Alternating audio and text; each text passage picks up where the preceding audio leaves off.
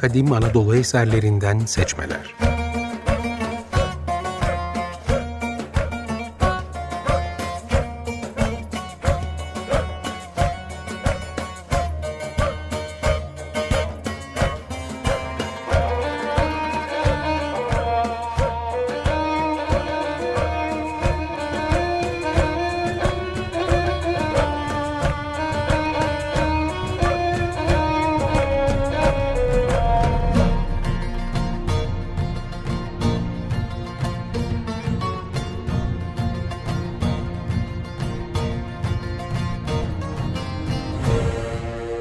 Hazırlayan ve sunan Haluk Mimaroğlu.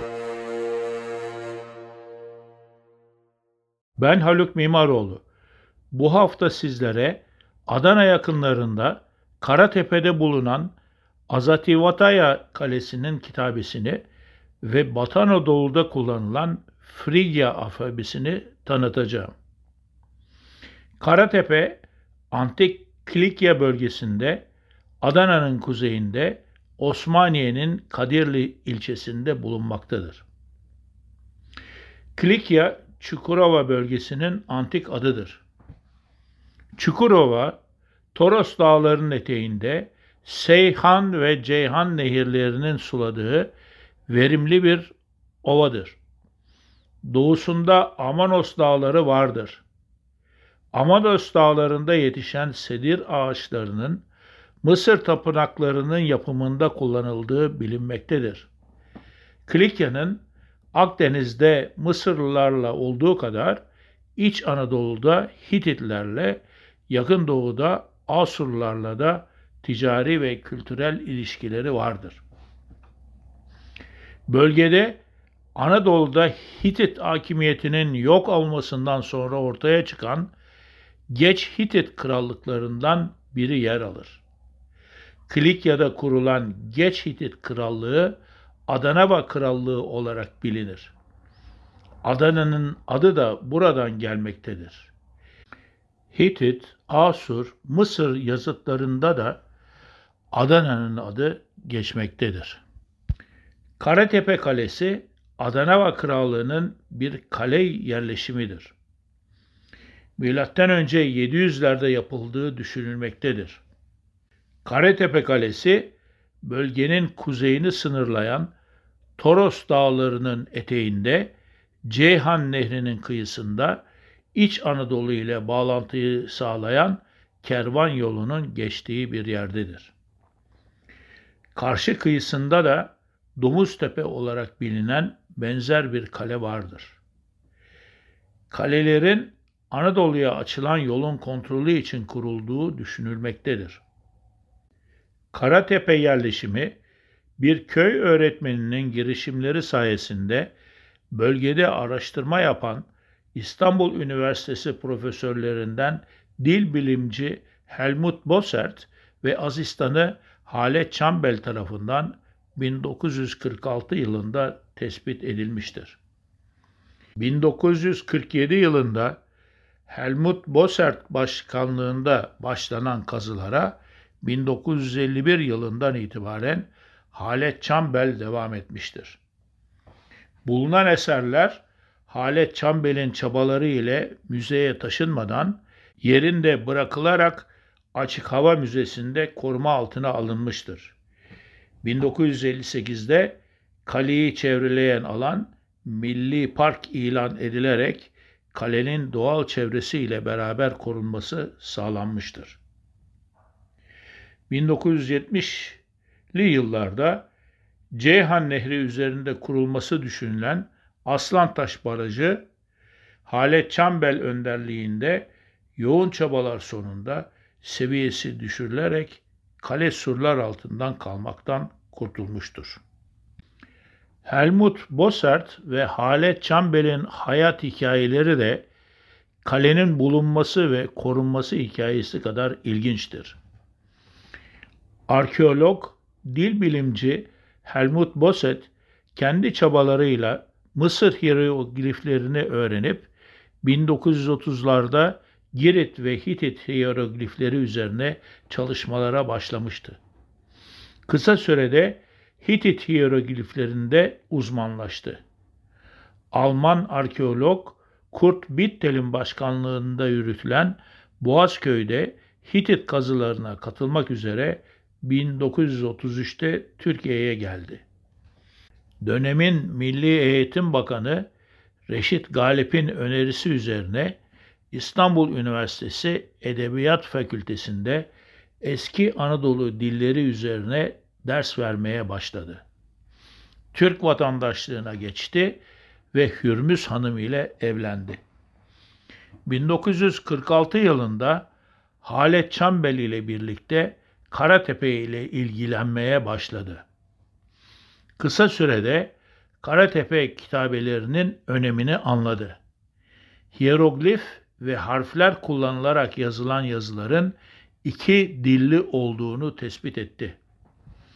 Fenike harfleriyle yazılan Felike dilindeki yazılardan yola çıkarak çok az bilinen Luvi hieroglif yazısını çözdü.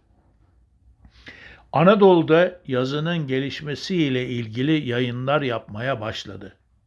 Yayınları Anadolu'daki Yunan kültürü tezini derinden sarstı.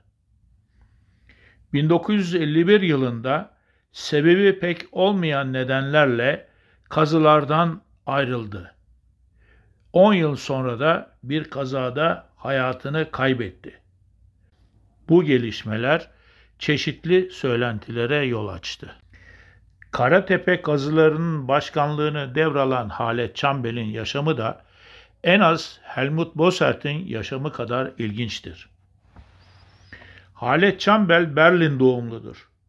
Babası Almanya'da askeri ateşelik yapan Hasan Cemil Bey'dir. Annesi dönemin Berlin Büyükelçisi İbrahim Hakkı Paşa'nın kızıdır. Arnavutköy Amerikan Kız Koleji'nde okurken eskrim sporu ve sanat tarihi ile ilgilenmeye başladı. Fransız hükümetinden aldığı bursla Paris Sorbonne Üniversitesi'nde arkeoloji okudu. 1936 yaz olimpiyatlarında eskrim dalında Türkiye'yi temsil etti. Suat Aşeni ile birlikte olimpiyatlara katılan ilk Türk kadın sporcu oldu. 1939 yılından itibaren İstanbul Üniversitesi Edebiyat Fakültesi'nde Helmut Bossert'in asistanı oldu. 1946'da tanıştığı Karatepe ile hayatı boyunca ilgilendi. Arnavutköy'deki aile yadigarı yalısını Halet Çambel ve eşi Nail Çakıran adına arkeolojik ve mimarlık araştırma merkezi olarak kullanılmak üzere Boğaziçi Üniversitesi'ne bağışladı. 1947'de Helmut Bossert başkanlığında Karatepe'de başlayan kazılarda kısa sürede surlarla çevrili yerleşimin biri kuzeye, diğeri güneye bakan iki anıtsal giriş ve kule yapıları tespit edildi. Duvarların alt sıralarına döşenen kalın taş levhalarda görülen kabartma resimler, çizimler ve yazıların önemi hemen anlaşıldı. Dil bilimci ve Hitit hieroglif yazılarında uzmanlaşan Bossert, bu taş levhalardaki yazıların iki dilde Fenike harfleri ve Luvi hieroglifleri ile yazıldığını tespit etti. Böylece Anadolu'da Luvi dilinin Anadolu'ya has hieroglif şekillerde yazıldığı ve Fenike dili ve harflerinin de Anadolu'da yaygın olarak kullanıldığı ortaya çıkmış oldu. Bu çalışmalardan yola çıkarak dönemin tarihine, buluntulara ve yazıtlara topluca değinen ilk Türkçe kitap 2021 yılında Faris Demir tarafından Karatepe Azativayata adı altında arkeoloji ve sanat yayınları tarafından yayınlandı. Faris Demir'in tabiriyle bu durum Yunan hayranı batılı tarihçileri ziyadesiyle üzmüştü. Umut ışığı olarak Klikya bölgesi, Luvice ve Fenikece yazıtlarına girmiş olabileceğini düşündükleri Girekçe kelimeleri aramaya ve benzerlikler kurmaya çalıştılar.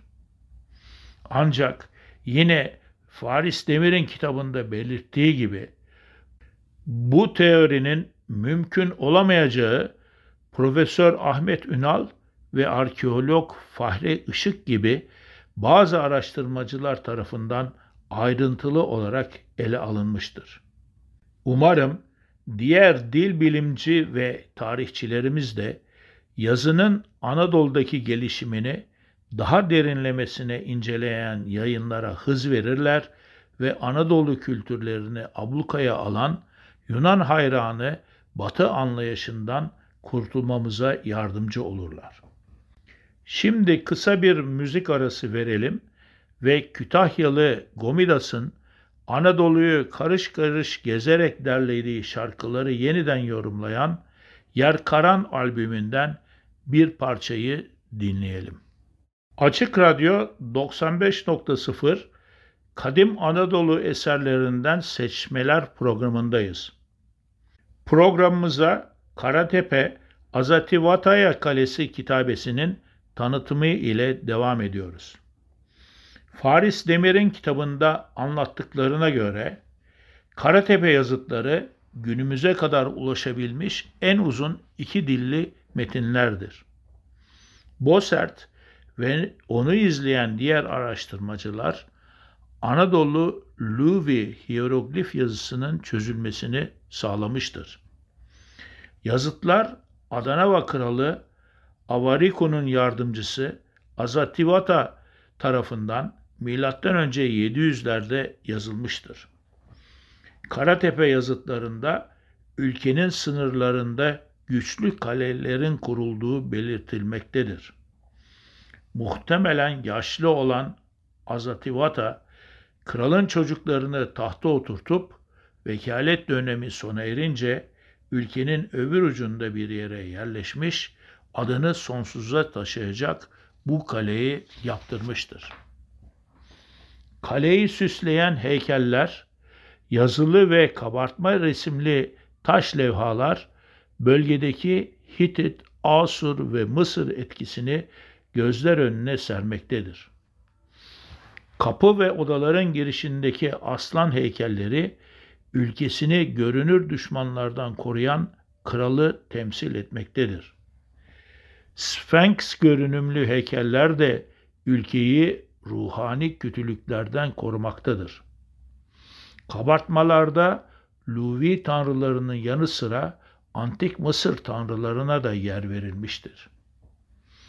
Yakın Doğu'nun vazgeçilmez konusu Gılgamış hikayesinden de sahneler, kutsal ağaçtan beslenen keçiler, kuş başlı adamlar, boğa adamlar da kabartmalarda yer alır. Ziyafetler, çalgıcılar, dansçılar, tanrılara adanan kurbanlar, savaşçılar, av sahneleri de günlük yaşamdan sahneler sunar. Yazıtlarda kullanılan hieroglif resimler hem görsel olarak hem de anlam olarak hem de Luvi dilinin çözülmesini sağlaması bakımından kalenin en önemli yazılı eseridir. Faris Demir'in söylediğine göre Karatepe metninin ilk bölümünde Azativata güneş tanrısının adamı ve Tarhunza'nın hizmetkarı olduğunu, kendisini Adanava kentinin anası ve babası yaptığını, bu tanrının yardımı ile tahıl ambarlarının dolduğunu ve ordusunu geliştirdiğini belirtmektedir. Metnin orta bölümünde kalenin Tarhunza ve Runza tarafından yapılması istendiği ve bu iki tanrımın yardımıyla yapıldığı, kaleye Azitevataya adının verildiği ve Tarhunza heykelinin yerleştirildiği anlatılmıştır. Bu tanrılara adaklar sunulması emredilmiş, karşılığında Tanrı'dan uzun ömür sağlık, bolluk, zenginlik, zafer, başarı dilenmiştir. Kale içinde tahıl tanrısının ve şarap tanrısının evi olması istenmiştir. Metnin son bölümünde krallığına ve kaleye göz dikenler lanetlenmiş. Bunun için Tarhunza, güneş tanrısı Ea, dünyanın yaratıcısı El ve bütün tanrılardan yardım istenmiştir. Kitapta yüzlerce Liuvi hieroglifleri ve kelimeleri, Fenike harfleri ve kısa sözlüğü ile birlikte transkripsiyonları ve Türkçe çevirileri de yer almaktadır. Anadolu'nun eski yazıları ve dilleri ile ilgilenen dinleyicilerimiz için kapsamlı bir kitaptır. Karatepe Azativataya kitabesinde yazılanları bir de BBC'de yaptığı radyo programları ile bana ilham veren ve bu çalışmalarımda bana yardımcı olan kızım Gülnar'ın sesinden dinleyelim. Ben Asativa'da, Adana ve barış içinde yaşasın diye yeni kaleler kurdum. Batıdaki güçlü kaleleri fethettim. Oraya Adanavalıları yerleştirdim. Adanava sınırlarını hem batıya hem doğuya doğru genişlettim. Erkeklerin bile ıssız yollarda yürümeye korktukları yerleri genişlettim. Benim günlerimde kadınlar bile rahatça buralarda gezinmektedir. Benim günlerimde bolluk, zenginlik ve refah vardı. Adana ve şehri ve Adana ve ülkesi huzur içinde yaşıyordu. Ben bu kaleyi kurdum ve ona Asitivadaya adını verdim. Tanrılar Tarunza ve Runtia benden bu kaleyi yapmamı istedi. Tarhunza'nın yardımıyla bu kaleyi inşa ettim. Tarhunza'nın heykelini yerleştirdim. Bütün nehir ülkeleri Tarhunza'ya yılda bir öküz, hasat zamanı bir koyun, bağ bozumunda bir koyun adayacaktır. Tarhunza da Asatavidas'a sağlık ve yaşam versin. Bütün kralların üstüne yükselsin. Yünce Tarhunza ve bu kalelerin tanrıları Asatividas'a uzun günler, pek çok seneler ve bol zenginlik versin. Diğer bütün krallara karşı muzaffer eylesin. Böylece bu kale tahıl tanrısı ve şarap tanrısının evi olsun. Ve böylelikle bu ülkede yaşayanlar koyunlara, sığırlara, yiyecek ve şaraba sahip olsun.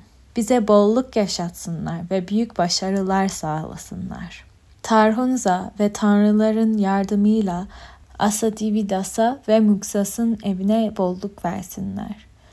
Ve eğer krallardan biri bir gün Asatividas'ın adını bu kapıdan sileceğim, kendi adımı kazıtacağım derse veya Asatividas'ın yaptırdığı bu kapıları, bu kapılar benim olacak ve üzerlerinde kendi adımı yazacağım diyerek kapatırsa göklerin tanrısı Tarhunza, güneş tanrısı Ea ve bütün tanrılar o krallığı, o kralı ve o adamı yok etsin. Gelecekte Asatevidas'ın adı, güneşin adı ve ayın adı gibi ilelebet yaşamaya devam etsin.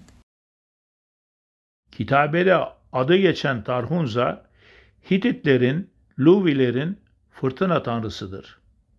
Bölgede tarımın hava durumuna bağlı olması nedeniyle baş tanrı olarak dünyanın yaratıcısı elin yerini almıştır.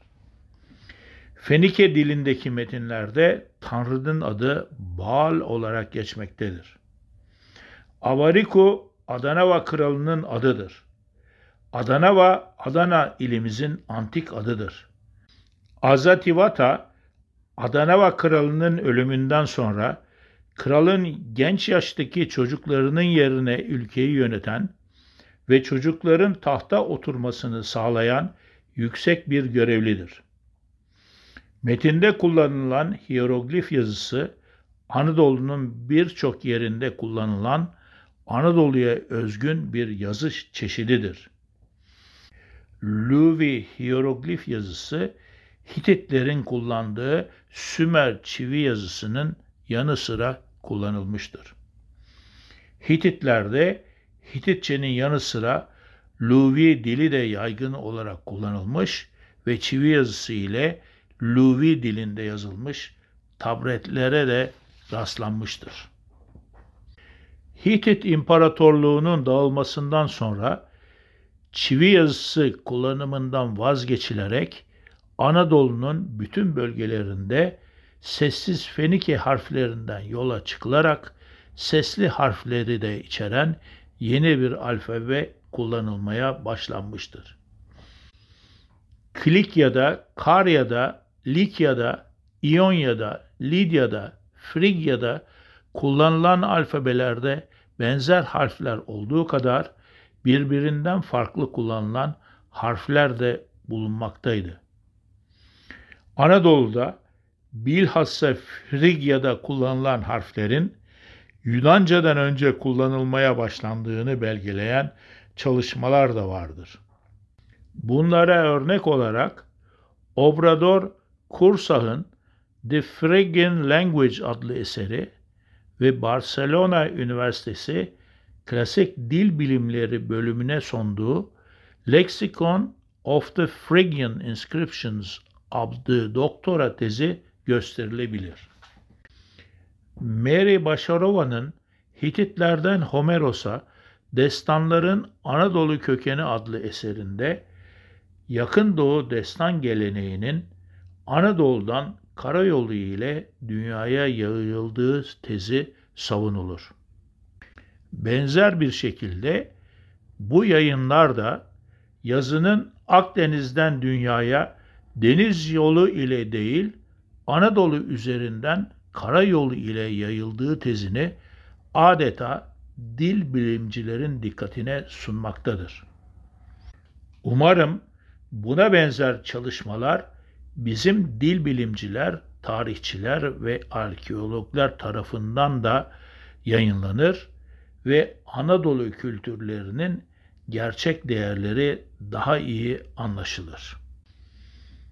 Böylece Açık Radyo 57. yayın döneminde sunmakta olduğumuz Kadim Anadolu eserlerinden seçmeler programımızın birinci bölümünün sonuna gelmiş bulunuyoruz. Bu dönemde milattan önce 800'lerden itibaren Anadolu'da yazılan eserleri tanıtmaya çalıştık. Umarım bu eserler Anadolu'yu tanımamıza ve tanıtmamıza yardımcı olmuştur. Önümüzdeki 58. dönemde programımızın ikinci bölümüne kaldığımız yerden devam etmek üzere ben Haluk Mimaroğlu, arkadaşım Levent Başaran ve kızım Gülnar Mimaroğlu adına dinleyicilerimize hoşça kalın dileklerimizi iletiriz.